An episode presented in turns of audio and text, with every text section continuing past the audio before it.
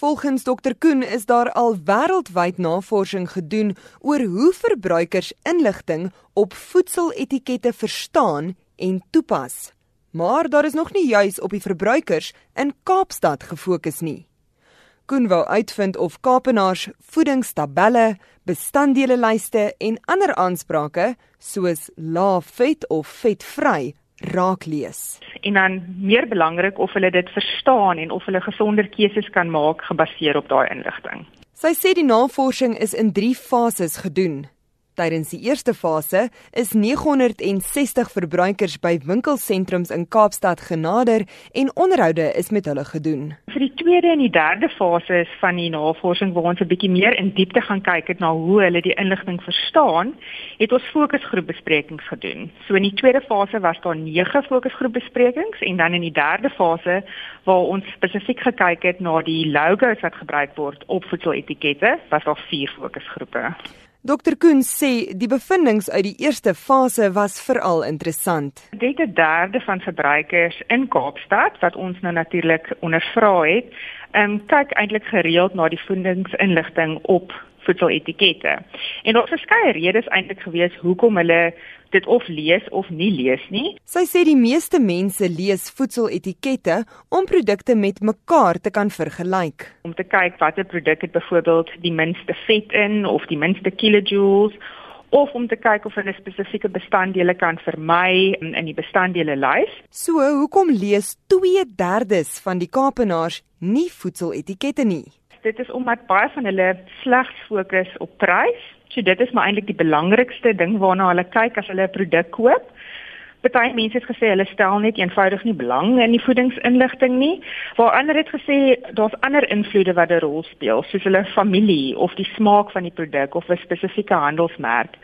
So dit lyk maar eintlik asof die voedingsinligting of die nutrisionele inhoud van 'n produk verseker nie die belangrikste aspek van die produk is wat bepaal of mense dit koop nie. Dr Koen sê opvoedingsveldtogte wat verbruikers leer hoe om voedingsinligting op voedseletikette te gebruik om gesonde koskeuses te maak, moet aangepas word volgens die behoeftes van verskillende verbruikers.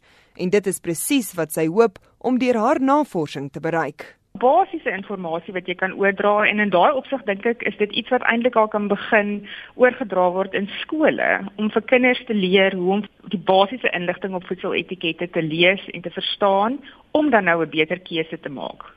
Die groot ding wat dan nou ook uitgekom het uit die navorsing is dat ons het 'n logo ontwikkel wat basies 'n gesondheidslogo is, soortgelyk aan iets soos die hartmerk of die Wayless logo of die Kansa logo maar dis 'n logo wat die departement van gesondheid oorweeg om te gebruik op produkte om te wys of dit 'n gesonder keuse is.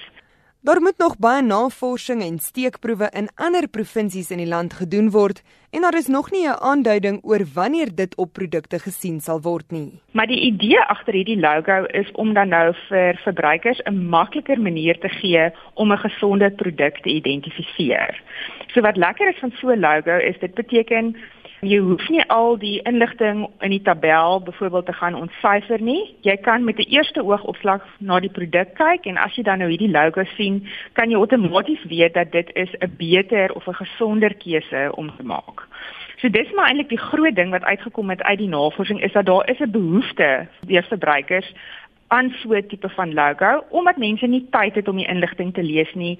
Die inligting is vir hulle oorweldigend op die voedseletiket. So dit is maklik, jy sien dit dadelik raak as jy kyk na die produk en jy hoef nie die etiket in detail te bestudeer nie.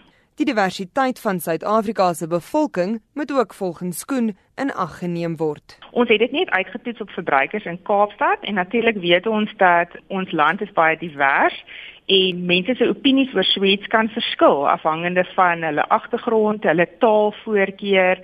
So daar is verskeie dinge waarna ons nog moet kyk om te bepaal of sweets sal werk of nie, maar ons is in die proses om dit te doen. Dr Nelien Koen is 'n dosent in die afdeling menslike voeding by die fakulteit geneeskunde en gesondheidswetenskappe aan die Universiteit Stellenbosch. Ek is Henry Wondergem vir SAK nuus.